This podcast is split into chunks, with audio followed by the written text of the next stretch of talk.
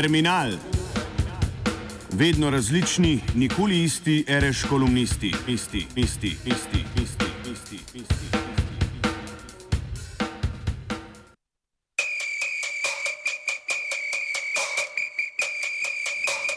Evropsko leto.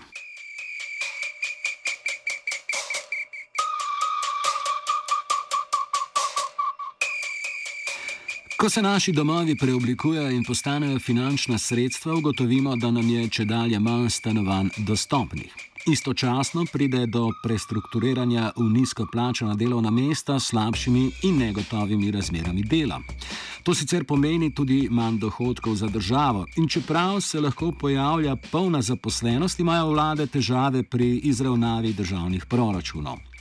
Sledijo vrčevalne politike, s katerimi vlade neuspešno poskušajo zmanjšati javni dolg, ki pa se povečuje zaradi paca gospodarske dejavnosti in reševanja zasebnega sektorja. Ta proces počasi, a ustrajno vodi k okrepljenemu populizmu in obnovljeni priljubljenosti fašističnih strank, ki ga vidimo v Evropi danes.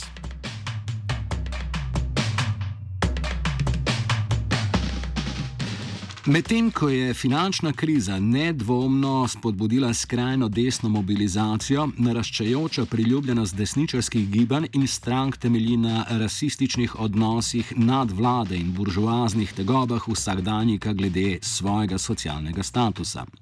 Skrajno desničarske stranke nenehno pridobivajo organizacijske zmogljivosti in volilno podporo, ki je potrebna za prevzem nadzora nad demokratičnimi institucijami. Hkrati pa si skrajno desničarske milice poskušajo povrniti, pridobiti javni prostor, ulice.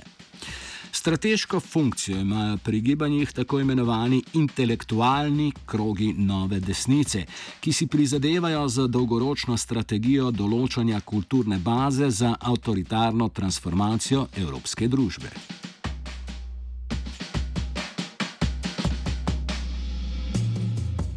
Priljubljenost in ljudskost igrata ključno vlogo radikaliz radikalizacijo konzervativnih tem predvsem z družbeno vlogo žensk, strahom pred izumrtjem avtohtonih ljudi in s protimuslimansko retoriko.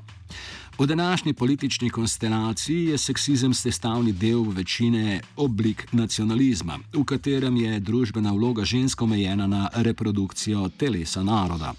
Strah pred mešanjem med različnimi rasami razkriva obsedenost z etnično čiščjo, čistostjo. Za nameček pa protimuslimanska retorika jasno opredeljuje ključne elemente klasične protisemitske narativne strukture.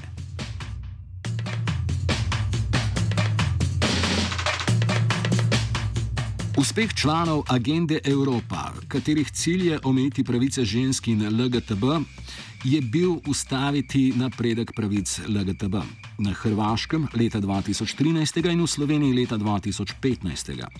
Pri nas je peticijo in referendum za ustavitev istospolne poroke vodilo gibanje Za otroke gre, ki je del Evropske strokovne mreže zagovornikov neposredno odgovorne za izvajanje strategije za omejevanje človekovih pravic. Strategija Agenda Evropa prinaša konkretne rezultate, kot je tudi polski zakon o prepovedi splava iz leta 2016.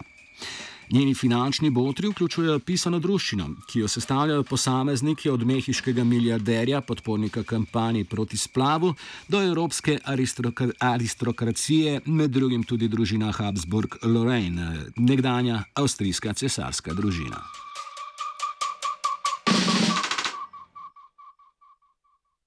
Vendar je bila agenda Evrope uspešna pri zaustavitvi napredka pri istospolnih porokah in pri vprašanjih legalnosti splava, predvsem v državah, v katerih so homofobne narativnosti bolj razširjene.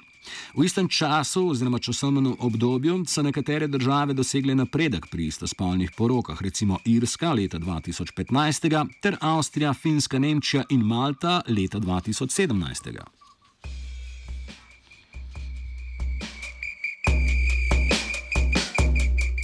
Drugo, panevropsko gibanje, ki deluje pri, proti nenadzorovanim množičnim migracijam in islamizaciji, tudi v Sloveniji, je identitarno gibanje. Po drugi strani pa italijanski notranji minister Matteo Salvini ne skriva apetitov po velikem zavezništvu skrajne desnice na evropskih volitvah. V tem duhu je tudi predstavil svojo vizijo Evrope. Njegov finančni botr Steve Bannon, ki nekako noče in noče oditi iz stare celine, ima prijatelje visoko v Vatikanu, predvsem v struji največjih kritikov papeža Frančiška in pri Svetovnem kongresu družin, ki združujejo skrajno desničarske protigejevske krščanske skupine. Podpira jih tudi Konstantin Malofejev, oligarh blizu ruskega predsednika Vladimirja Putina. Evropski zavezniki Putina se zauzemajo za odpravo sankcij proti Rusiji, podpirajo pa tudi rusko zasedbo in priključitev Krimskega polotoka, kot je to podprla Marine Le Pen leta 2014. Je pa res, da si je v Rusiji sposodila skoraj 10 milijonov evrov.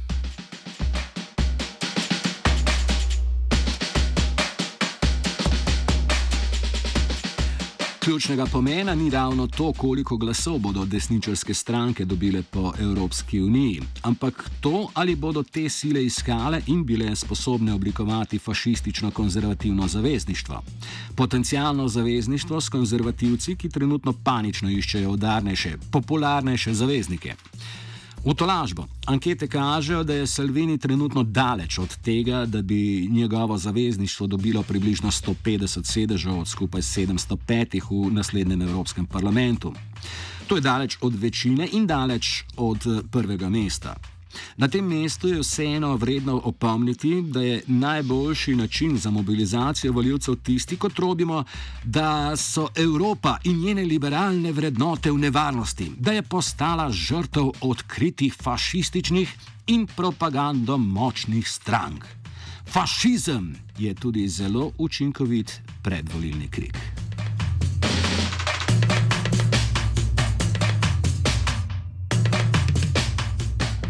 Vse prepogosto antifašizem ostaja v okviru zaprtega aktivističnega prostora s svojimi posebnimi subkulturami in sporadičnimi mobilizacijami. Odpor se mora začeti z neposrednimi ukrepi na naših delovnih mestih, v šolah in na univerzah, pa tudi v pogovorih z našimi družinami in sosedi.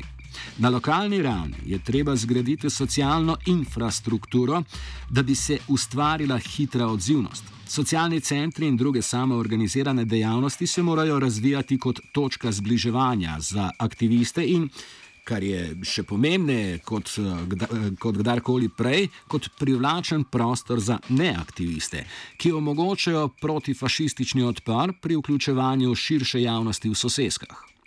Vsekakor pa nam ne more uspeti, ne da bi se spopadli s širšim političnim redom, ki je odgovoren za nedavni ponovni izbruh skrajne desnice.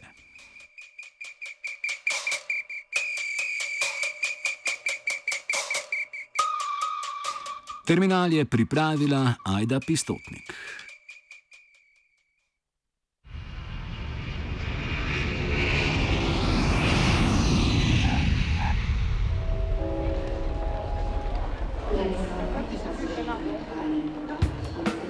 Terminal.